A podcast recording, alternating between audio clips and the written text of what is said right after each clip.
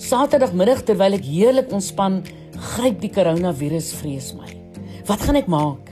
Sê nou net dit hou aan vir 3 maande of selfs langer. Ek kan alles verloor. My kar, my huis, my versekerings.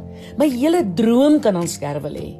Dit waarvoor ek vir jare so hard en toegewyd aan gewerk het.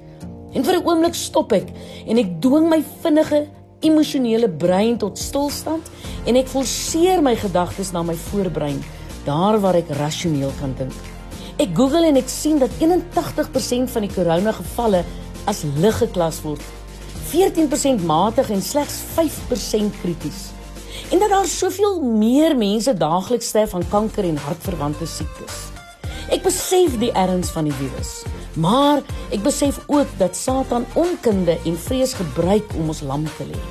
'n Mens wat vrees, lewe sonder hoop. En ek spreek dadelik hard en duidelik in my gees in Psalm 91.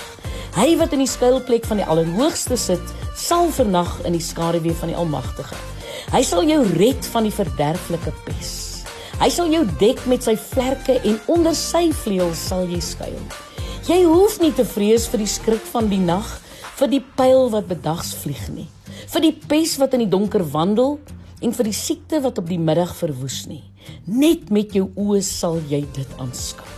Geen onheil sal jou tref en geen plaag naby jou tent kom nie, want hy sal sy engele aangaande jou bevel gee om jou te bewaar op al jou weë.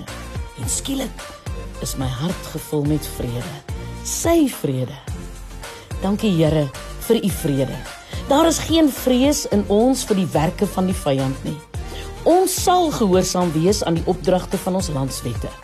Ons sal doen dit wat ons moet doen en u vertrou vir dit wat ons nie kan doen nie.